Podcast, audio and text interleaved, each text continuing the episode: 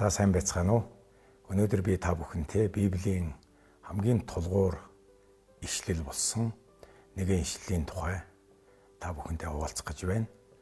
Тэгээ энэ бол Иохан 3:16 буюу Бурхан дэлхийг үнэхээр их хайрлан цорын ганц хүүгээ өгсөн гэсэн энэ тухай мессеж юм. Тэгээ Библийн эхлэл номноос авахгуулаад илчлэлт ном хүртэл энэ 66 ном нэгэн одоо үнэн дээр төвлөрдөг нь Есүс Христ хүн төрлөختнийг аврахаар ирсэн нэгэн аврагчийн тухай. Тэр хүн төрлөختний төлөө хүн төрлөختний хийсэн гэм нүглийн төлөөсийг өөрийн амьд цусаар төлөн түүнд итгэсэн хүмүүс нүглийн уучлалыг хүртэж аврагдах тухай өгүүлсэн байдаг. Тэгээ энэхүү сайн мэдээг бүх хүн төрлөختөн сонсох ёстой гэж Библи хэлдэг. Иохан 3:16 Бурхан ертөнцийг үнэхээр хайрлсан тул цорын ганц хүүгээ өгсөн Ингэснээр хүүд итгэгч хинч мөхгүй харин мөн хамтай болох юм гэж Библиэд хэлсэн байна. Бурхан байдаг. Ариун Библийн сударт Бурхан оршин байдаг гэдгийг гэрчилдэг бөгөөд ариун Библи судар нь өөрөө тэрхүү амьд оршигч эзэн Бурханы үг нь. Орчлон ертөнцийг захирагч Бурхан хүн төрлөختөнд хандсан хүсэл зорилгоо ариун Библиэр дамжуулан тунхагласан гэдгийг Библи өөрөө гэрчилдэг. Ариун Библиэд тэрхүү амьд оршигч ариун бурхны хүмүүн төрлөختөнд хандсан тушаал, заавар, зэмлэл, сануулга, сэрэмжлүүлэг, сургамж, урам зориг, итгэл найдвар, хайрын үгсээр дүүрэн байдаг. Ариун Библиэд тэрхүү амьд оршигч ариун бурхны хүмүүн төрлөختөнд хандсан тушаал, заавар, зэмлэл, сануулга, сэрэмжлүүлэг, сургамж, урам зориг, итгэл найдвар, хайрын үгс дүүрэн байдаг юм аа. Ариун Библи нь хүн төрлөختөнд бурхан гэж хэн бэ? Мөн ямар вэ? гэдгийг жинхэнэ үнэн мөнөөр таниулдаг цорын ганц ном юм. Бурхан байдаг уу? Хэрвээ бурхан гэж байдаг бол тэр хэн бэ? Бас ямар вэ гэдгийг Библи өгүүлдэг. Бид бурханы талаар олон янзын мэдлэг болон төсөөллийг янз бүрийн их сурвалжуудаас буюу үлгэр дугмаг, аман яриа, кино зохиол болон бусад шашнуудаас олж авсан байдаг. Зарим хүмүүс бурхны оршин байгааг үгүйсгэн үл ойшон өөрсдийнхоороо амьдралын утга учир үн цэнийг тогтоон амьдардаг. Харин ариун библийн сударт бурхны оршин байгааг болон түүний үл үзэгдэх чанар, мөнх хүч, төгс хайр, ариун бөгөөд шудраг мөн чанар, хүн төрлөختнийг шүүх шүүлт болон авралт хүрэх замын тухай маш өргөн дэлгэр өгүүлсэн байдаг юм аа. Бурхныг мэдэх нь ямар ашигтай гэж. Энэ мэдээж байх ёстой зүй ёсны асуулт байна. Библийн Иохан номны 17-гийн 3 дээр цорын ганц үнэн бурхан таныг болон таны илгээсэн Есүс Христийг мэдэх нь мөнхийн ам юм а гэж хэлсэн байна. Бурхныг мэдэх мэдлэгийн хамгийн гол утга учир бол хүн нүглээс аврагдах мөнхийн үхэл болсон тамаас аврагдан харин мөнхийн амь болсон тэр авралыг авах. Хүн төрлөختөн гим нүгэл дунснаар тэрхүү ариун бурхны оршихуйгаас тусгаарлагдсан гэж ариун библийн сударт өгүүлдэг. Тиймээс хүмүүн төрлөختөнд гим нүглээр дамжуулан үхэл орж ирсэн бөгөөд үхэл бол эцсийн төгсгөл бус төгсгөл бус. Үхлийн дараа хүн бүр шүүгдэх болно гэж Библиэд анхааруулан сануулсан байдаг. Гим нүгэл дунан бурхнаас тусгаарлагдсанаар хүмүүсийн зүрх сэтгэл оюун бодол хэрхэн завхарсныг Библиэд ийхүү өгүүлсэн байна. Бүхий л зөв тус байдал, хорн муу, шунал, бузар булаагаар дүүрэн, атаа житөө, аллах хэрүүл, хар санаагаар дүүрэн, хов жив яригч, гүтгэгч, бурхныг үзен ядагч, дээрлэхүү, их зантай, сагсуу, хормог санаачлагч, эцэг ихтэй дуулуургүй, ухваргүй, найдваргүй, үл хайрлагч, бусдыг өршөөж уучлж чаддгүй болсон юм а гэж хүн төрлөختний тухай гим нүгэлд унсан хүмүүсийн тухай Библиэд ингэж хэлсэн байна. За одоо бүгдээрээ бас гол зүйл рүүгээ, гол ишлэл рүүгээ ингээд орцгоё. Бурхан ертөнцийг үнэхээр хайрлсан тул цорын ганц хүүгээ өгсөн. Ингэснээр хүүд итгэгч хинч мөхгүй харин мөн хэмтэй болох юм. Библи бурхны тухай бурхан хэн бас ямар вэ гэдгийг Библи өгүүлдэг. Энэ Иохан 3:16 Библийн хамгийн гол тулгуур цөм болсон энэ ишлэл дээр энэ ертөнц дэлхийг хүн төрлөختнийг хайрлсан Бурхны тухай өгүүлж байгаа. Библийн сударт Бурхан байдгийг батлах гэж оролддоггүй харин Бурхан байдгийг тунхагладаг. Эхэнд Бурхан Тэнгэр газрыг бүтээжээ гэж Библи эхэлдэг баг. Бид нар Бурханы тухай хэн бэ бас ямар вэ гэдгээр мэдэх нь Библи бидэнд ийхүү харуулж өгсөн байна. Бид нар Бурханы тухай хэд хэдэн одоо мөн чанараар нь Бурханыг мэдэж болно. Нэгдүгээрт тэр бол бүтээгч эзэн гэдгээр Библи бидэнд мэдүүлдэг. Бурхан бол ямар нэгэн хүний гарын бүтээл биш. Хэн нэгний зурж сийлсэн баримл, хөөмөл тийм зүйлсд Бурхан оршдгүй гэж Библи хэлдэг. Библийн Эхлэл номын 1-д эхэнд Бурхан Тэнгэр газрыг бүтээсэн гэдгийг хэлдэг. Мөн Библийн Исая номны 45-ын 18 дээр ингэж хэлсэн байна. Тэнгэрсийг бүтээсэн эзэн ингэж айлдж байна. Тэр бол газрыг ч бий болгосон бурхан юм. Тэр газрыг хоосноор бүтээгээгүй бөгөөд хүмүүсийг оршин суулгахын тулд бүтээсэн билээ. Би бол эзэн өөр байхгүй гэж тунхагласан байна. Мөн Библийн Үйлс номны 17 дугаар бүлгийн 24-өөс 27 дээр Бурхны тухай ингэж бичигдсэн байна. ертөнц хийгээд түүнд орших бүхнийг бүтээсэн Бурхан бол Тэнгэр газрын эзэн мөн учраас хүний гараар боссон сүмд оршдгүй юм аа. Тэр өөрөө ам амьсгал хийгээд хамаг юмсыг бүгдэд өгдөг учраас ямар нэгэн юмар дутагдсан мэт хүний гарыг тэр өөртөө үйлчлүүлэхгүй. Бурхан газрын цээжээр амьдруулахаар нэгнээс хүмүүн төрлөختний үндэстэн бүрийг бүтээж товлсон цаг хугацаа болон тэдний нутаглах хил хязгаарыг тогтоосон нь хүн бурхныг ирж хайх ёстон учраагаад тэр бид бүхний хинээсэн ч холгүй хэдий ч хүмүүс түүнд хүрч түүнийг олоосоо хэмээсэнд болоё гэж бичсэн байна. Бид бурхны талаар мэдэхдээ тэр бол бүтээгч эзэн гэдгээр мэдэх ёстой. Тэр бол тэнгэр газар, тэнгис далай, үзэгдэх болон үл үзэгдэх бүх ертөнцийг бүтээсэн. Тэр бол бүтээгч гэдгийг Библи тунхагладаг. Харин тэр бол ямар нэгэн хүний гарын бүтээл биш ээ. Ямар нэгэн урлагийн одоо бүтээл биш юма гэдгийг хэлдэг. Мөн Библи бидэнд Бурхны тухай тэр бол цор ганц гэж хэлдэг. Библийн дэд хууль номон дээр сонсохдон Бурхан бол ганц гэж хэлсэн байдаг. Тэр л нарыг мандуулж, дөрвөн улирлыг ээлжлэн солигдуулж, энэ орчлон ертөнцийн мөнх хүч, үзэгдэх болон үл үзэгдэх тэр бүх хүчийг захирдаг тэр Бурхан юм. Мөн Бурханы талаар Библи хүн төрлөختөнд таниулахдаа тэр бол ариун Бурхан гэж таниулдаг. Библиэд Бурхныг нэг удаа ариун гэж хэлдэг. Харин ариун, ариун, ариун гэж гурван удаа Бурхныг Бурхны ариун байдлыг тунхагладаг баг. Мөн Библиэлд Бурхан хүн төрлөختөнд өөрийн 10 хууль өгсөн гэдгийг хэлдэг. Тэгээ энэ 10 хуулиас харах юм бол Бурхны мөн чанар, ёс суртахуун юутай ариун бэ гэдгийг бид нар харж болдог. Тэр Бурхны 10 хууль дотор бүү завхаар бүү ал бусдын эд хөрөнгөнд бүү шунахаар чи хөршийнхээ эсрэг худал бүү гэрчил гэж хэлсэн хуулиуд байдаг. Тэгээ энэ хуулиас харах юм бол энэ бурхны библийн бурхны ёс суртахуун мөн чанар ямар ариун бэ гэдгийг бид нар харж болдог. Бурхан хүн алхыг жигшдэг, үзен яддаг. Тийм учраас бүү ал гэж хуульчаасан. Мөн бурхан завхаарлыг үзен яддаг. Мөн хулгайлахыг бусдын эд хөрөнгөнд шунахыг бусдын талаар худал хуурмаг үг ярихыг гүтгэхийг доромжлохыг тэр үзен яддаг. Библийн сударт бурхны ёс суртахуун мөн чанар юутай ариун бэ гэдгийг тэр ямар шудраг төгс ариун бурхан бэ гэдгийг харуулдаг юм аа. Мөн бид нар бурхны талаар Библи бидэнд нэгэн гайхалтай ойлголтыг өгдөг баг.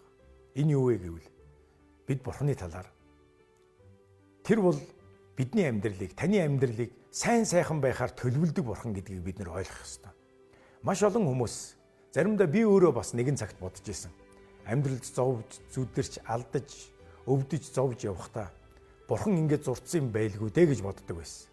Өнөөдөр ч гэсэндээ энэ мөчөд маш олон хүмүүс зовж зүдэрч явхдаа, алдаж, онож явхдаа үнэхээр өвчин зовлонд өртөж, магадгүй гимт хэрэгт хутгалдаж, амьдралдаа алдаж, архинд одоо донтож, гэр бүл нь салж сарниж явхдаа магадгүй 2 дахь 3 дахь амьдралаа зохиож нэг л энэ амьдрал хөлөө болохгүй явхдаа бурхан намайг ингэж зурцсан байлгүй дээ гэж бодож ярьдаг хүмүүс байна.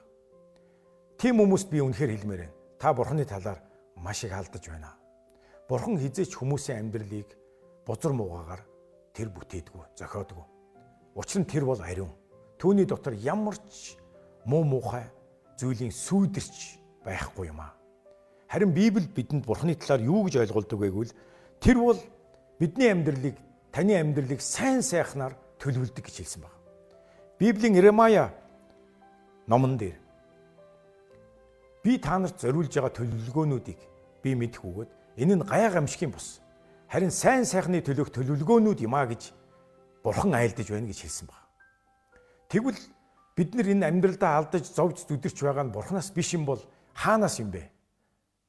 Энэ бол үнэхээр бас бидний бодож үзэх ёстой асуудал. Ихэнхдээ бид нар энэ амьдралдаа алдаж зовж зүдэрч явхдаа өөрсдийн хийсэн гим нүглийнхаа өөрсдийн тарьсан үйлийнхаа өрөнд бид нар зовж явдаг, зүдэрч явдаг. Өөрсдийн гаргасан мунхаг шийдвэр бодлогогүй алхам, өөрсдийн гим нүгэл, өөрсдийн зүрх сэтгэлдээ оюун ухаан бодол санаандаа ухамсартай бол би ингэж хийх ёсгүй. Харин эсэргээр нь би сайныг үлдэх ёстой гэдгээ мэддэг боловч хүсдэг сайнаа биш харин хүсдэггүй. Хийх ёсгүй зүйлээ хийж амьдрсны үр дүнд л хүн зовдөг. Тийм учраас хэрвээ та амьдралдаа ямар нэгэн байдлаар зовж алдаж онож явж байгаа бол энэ нь бурхнаас биш. Та өөрийнхөө зам мөрийг, өөрийнхөө бодол, хандлага, зүрх сэтгэл, хэл яриа, өөрийнхөө үйлдэлийг засаж зүв болгосоо гэж таныг уриалж байна. Мөн Библиэлд Бурхны тухай тэр бол итгэлд хариулдаг Бурхан гэж хэлсэн байдаг. Та Бурхантай харилцъя гэвэл түүний танд бэлтгэсэн тэр сайн сайхныг амьдралдаа хүлээн авъя гэвэл та Бурханд итгэх ёстой. Бурханд ойртож байгаа хүн тэрээр байдаг гэдэгт болон өөрийг нь эрен хайгчдаг тэр шагнадаг, тэр өрөөдөг, тэр өгөөмөр ханддаг, тэр гим нүглийг уучилдаг, тэр өршөөдөг, Тэгээд тэр амьдралыг сэргээж өгдөг гэдэгт итгэх ёстой юм аа. Библиэлд итгэлгүйгээр түнд таалагдах боломжгүй юм гэж хэлсэн. Тийм учраас та өөрийн эргэлзээ, итгэлгүй байдал, гим нүглэл, тэрслэл бүхнийг орхиод та бурхан руу итгэн ирэх юм бол тэр таныг хизэж ичгэвтер байдалд оруулахгүй юм. Есүс Христ дэлгэхдээ намайг итгэн дагсан хүний амьдрал гэрэл гэгээтэй болох болно гэж тунхагласан байдаг. Тийм учраас таныг бас хэрвээ таны амьдралд гим нүгэл, ямар нэгэн харанхуй, ямар нэгэн цөхрөл зовлон байгаа бол, ганцаардал байгаа бол, амар тайвангүй байдал байгаа бол та түүн рүү ирээсэ гэж би таныг урьж байгаа юм аа. Мөн бид Бурхны талаар Библи бидэнд таниулахдаа тэр бол бидрээс алс хол хөндөй хүйтэн оршдог тийм Бурхан бишээ гэж хэлдэг. Харин Бурхан бол ойртож, нөхөрлөж, дотносож болдог тийм Бурхан гэж Библи бидэнд хэлдэг. Хэрвээ та Бурхан руу ойртвол тэр та нарт ойртох болно гэж Библи бидэнд уриалдаг. Тийм учраас Есүс Христ бас хэлэхдээ хүнд дарамт төрсэн, зовлон дунсан хүмүүс над руу хэр гэж өрсөн байдаг. Би та нарыг амрааж, би та нарт амар тайвнаа өгье гэж хэлсэн. ертөнцийн өгдгөөс өөр зүйлийг би та нарт өгнө гэж хэлсэн. Энэ бол миний та нарт өгөх амар тайван юм а гэсэн. Энэ дэлхийн ертөнцид амьдарч байгаа хүн болгон зовдөг. Хүн болгон ямар нэгэн хэмжээгээр энэ амьдралдаа алдаж, бүдэрч, унаж босон явдаг сэтгэлдээ ямар нэгэн байдлаар дарамт шаналлтаа явдаг. Харин Есүс Христ таны амьдралд амар тайвныг өгөх тэр амар тайвны илч юм шүү. Мөн Библийн сударт Бурхны талаар түүний мөн чанарын талаар мэдээж асар олон зүйлийг Бурхан хэн бэ ямар вэ гэдгийг тунхаглан гэрчлэн хэлсэн маш олон зүйлс байдаг. Энэ бүхнийг мэдээж ярих юм бол цаг хөрөлцөхгүй. Харин эцэст нь нэг л Бурхны мөн чанараар би дүгнээд хэлэхэд Бурхан бол хайр гэж Библи хэлдэг. Бурхан бол хайр. Тэр бидэнд айдсын сүнсийг өгдөг. Харин тэр бидэнд хүч, хайр биеэ захирах сүнсийг өгдөг. Бурхан бол хайр. Тэр танд хайртай гэдгийг Библи тунхагладаг. Бурхан ертөнцийг үнэхээр хайрлсан тул цорын ганц хүүгээ өгсөн. Ингэснээр хүүд итгэгч хинч мөхгүй харин мөнх амьтай болох юм. Энэ бол Библийн тулгуур ишлэл байна. Энд тэр бурхан тэр цор ганцаараа оршдог. тэр хайр инэрлэр дүүрэн тэр таны амьдралыг сайнаар төлөвлөдөг энэ бурхан биднийг хайрлсан гэж Библи хэлдэг. Бид нар хайрын талаар бол маш олон зүйлийн одоо мэдлэгтэй, мэдээлэлтэй, ойлголт төсөөлтөй явдаг. Ерөнхийдөө бас хайрыг Библиэлд зарим нэг хайрыг нэрлсэн байдаг. Жишээлбэл ахан дүүсийн хайрыг Фелос гэж нэрлсэн байдаг. Ахан дүүс бие бинийгээ хайрлах хайр, анд нөхөд бие бинийгээ хайрлах хайр гэж байдаг. Мөн эцэг их үр хүүхдүүдэд хайрлах хайр гэж байдаг. Мөн дурлсан хос бие бинийгээ хайрлах хайр гэж байдаг. Энэ бол бас нэгэн өөр төрлийн бас нэгэн онцгой гүн гүнзгий хайр байдаг мөн ихийн хайр хайр гэж байдаг. Мөн бид нар байгаль дэлхий ямар нэгэн юмсыг хайрлах хайр гэж байдаг. Бид нар байгаль дэлхийгээ хайрладаг юм уу? Эсвэл ямар нэгэн амьтныг хайрладаг ч юм уу? Янз бүрийн хайр. Хайр бол маш өргөн уудан, маш өргөн дэлгэр. Хайр бол маш гүн гүнзгий. Хайр бол үнэхээр хязгааргүй. Библи Бурхны хайрын тухай ингэж хэлсэн байдаг. Бурхны хайрыг агапе хайр гэж нэрлсэн байдаг. Энэ хайрыг мэдлэгийг давсан хайр гэж бичсэн байна л да. Энэ хайрын тухай бодож төсөөлөхөд бол үнэхээр хүний бодол төсөөлөл бол яагаад ч үнийг ойлгож төсөөлөхгүй тийм гүн гүнзгий хайрын тухайд өгүүлсэн байна. Эфес номны 3 дугаар бүлэг дээр мэдлэгийг давдаг Христийн хайрыг мэдснээр та нар Бурхны бүх дүүрэнд хүртэл бэлгсэн байх болтугай гэж хэлсэн байдаг. Мэдлэгийг давдаг Бурхны хайр. Энэ Бурхны хайрын шинж чанарыг бас 1-р Коринт номон дээр ингэж хэлсэн. Хайр бол төвчээртэй энэрэнгүй юм. Хайр атаархадгүй, бардам зан гаргадгүй, ихэрхэдгүй, зохисгүй авиралдгүй, өөрийнхийг ирдгүй, уурладгүй, муутай тооцоо хийдгүй, зүвт бус байдалд баярлдгүй, харин үнэнд баярладаг. Бүгдийг далдалдаг, бүгдэд итгэдэг, бүгдэд найддаг, бүгдийг тэсвэрлэдэг. Энэ хайр бол хизэж дуустдаггүй гэж Бурхны хайрын тухай хэлсэн байдаг. Бурхан энэ агуу хайраар, төгс хайраар таныг хайрладаг. Хүн төрөлхтнийг хайрладаг.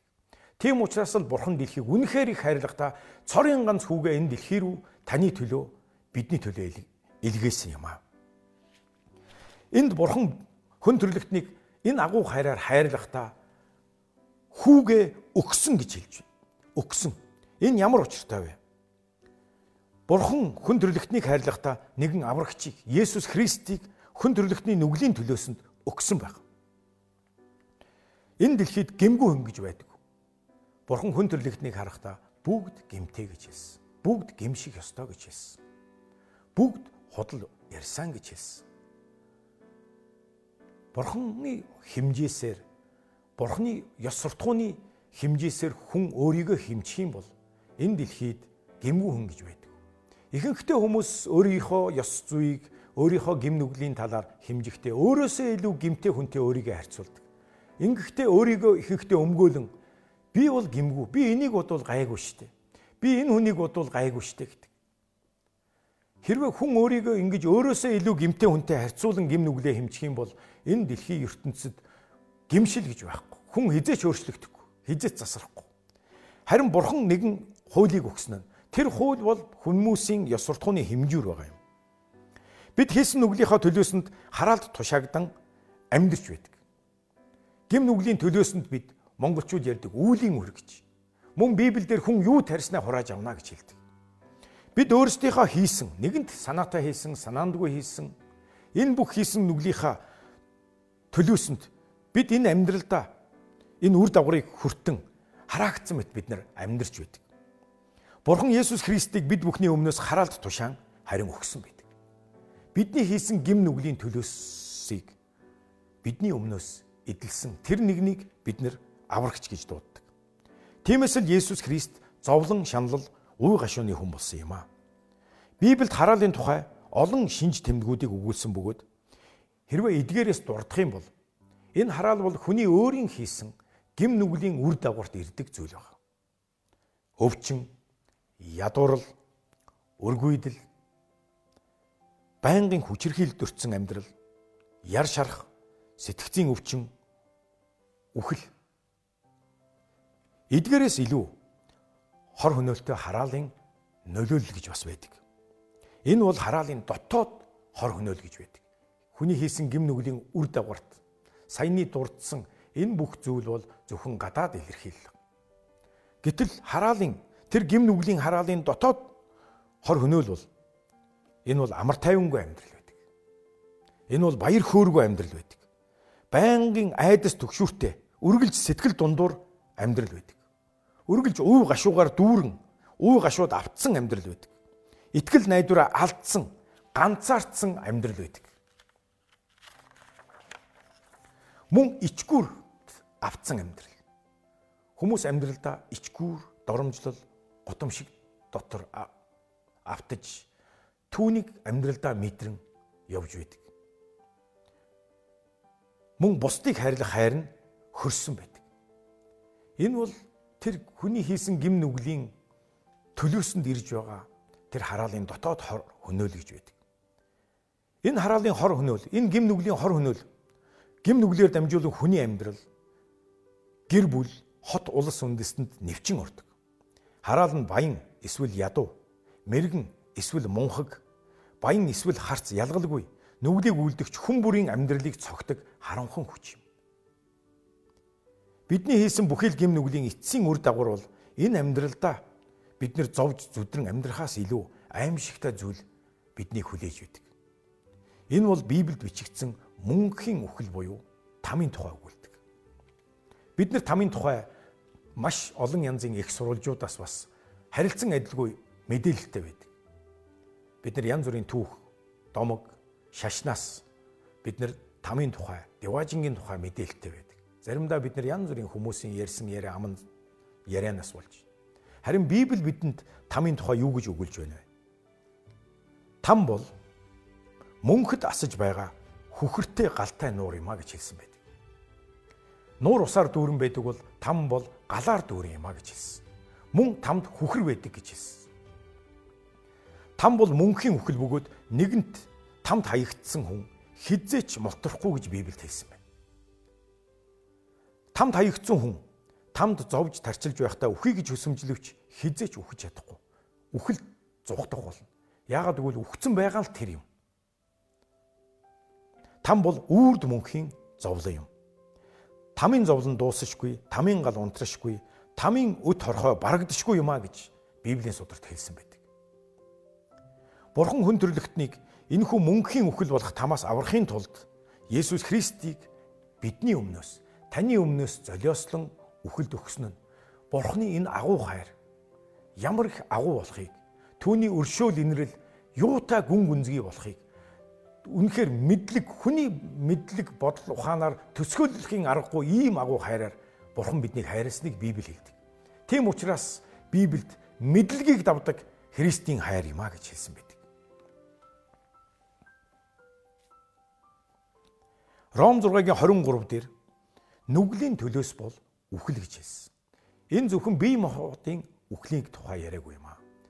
Бие махбодын үхэл бол зүгээр л бидэнд харагдаж байгаа физик үхэл гэдэг. Бидэнд нүдэнд харагдах зүйл. Харин энэ үхлийн дараа энэ дэлхий дээр амьдрахдаа их баг ямар нэгэн хэмжээгээр гим нүгэл үйлдэж бурхны ёс суртахууны тэр ариун байдлын тэр хэмжээсийг зөрчсөн тэр хүмүүс хаашаага явахыг Библи хэлдэг. Энэ бол мөнхийн үхэл буюу мөнхийн тамийн тухай ярьдаг.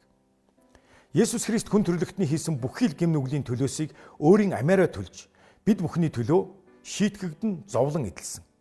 Исая 53 дугаар бүлэг дээр Библийн ариун Библийн сударт тэр бидний өвчин зовлон өө гашууг бидний өмнөөс үүрсэн юм а гэж хэлсэн. Бид түүнийг бурханд яллагдж, цохигдож, зовсон гэж бодсон. Гэтэл тэр бидний гим нүглийг өөр дээрээ үүрч, бидний гмийн төлөө бяцарч, бидний нүглийн өмнөөс цоо хатгагдсан юм байна гэдгийг Библиэд хэлсэн байдаг. Есүс Христ Ийхүү бидний төлөө энэ ертөнцид ирсэн гэдгийг Библи хэлдэг юм аа. Бурхан ертөнцийг үнэхээр хайрлсан тул цорын ганц хүүгээ өгсөн. Ингэснээр хүүд итгэх хинч мөхгүй харин мөн хамтай болох юм. Хэрвээ та яг одоо эсвэл хизээ нэгэн цагт магадгүй. Есүс Христийг өөрийн аврагч эзнээ болгон хүлээн авч гим нүглээсээ чөлөөлөгдөхийг хүсвэл түүнд хандан сэтгэл зүрхээ дараах маягаар нээгээд залбирч болно. Аврагч эзэн Есүс эзэн минь би танд итгэж байна. Би танд сэтгэл зүрхээ нээж байна. Таны өмнө би өөрийн бүхий л гим нүглийг имшиж өршөөл гучлалыг гуйж байна. Аврагч их эзэн Есүс ээ. Та миний амьдралдаа хийсэн, дотроо ботсон, амаараа ярьсан тэр бүх гим нүглийг минь та уучлаач. Миний амьдралд нөлөөлж байгаа бүхий л гим нүглийн хараалаас намайг чөлөөлөөч. Та надад шинэ амьдралыг өгөөч. Хараалаас ерөөл рүү, харанхуугаас гэрэл рүү, үхлээс амь руу оруулаач гэж та сэтгэл зүрхээ нээн Есүс Христийг амьдралдаа зүрх сэтгэлдээ уран залбирах юм бол энэ мөчид Бурхан таны залбирлыг сонсно гэдгээ бас амласан байдаг. Та туршаад үзээрэй гэж би таныг уриалж. Нэгэн цагт би бас амьдралдаа алдаж онож бүдэрч явахдаа Бурханыг дуудсан тэр мөч бол үнэхээр гайхалтай мөч байсан. Бурханыг амьдралдаа нээн гэдэг бол хүн төрлөختний хувьд бол хамгийн чухал нээлт юм шүү. Бурхан оршин байдаг. Тэр танаас холгүй байгаа. Тэр өөрийг нь эрен хайж олоосоо өөрт нь итгэж өөрт нь зориулагдсан тэр амар тайвнаар хөтлөгдсөн тэр баяр хөөрөөр дүүрэн тэр нэгүслэр дүүрэн амьдрал руу ороосоо хамгийн гол нь нүглийн уучлал болсон тэр авралыг хүлээн аваасай тэр мөнхийн үхэл болсон аимшигтай тамаас аврагдаасай гэж бурхан таныг таны урхийг хүлээж байгаа юм шүү. Бурхан таныг ивэх болтугай. Амен.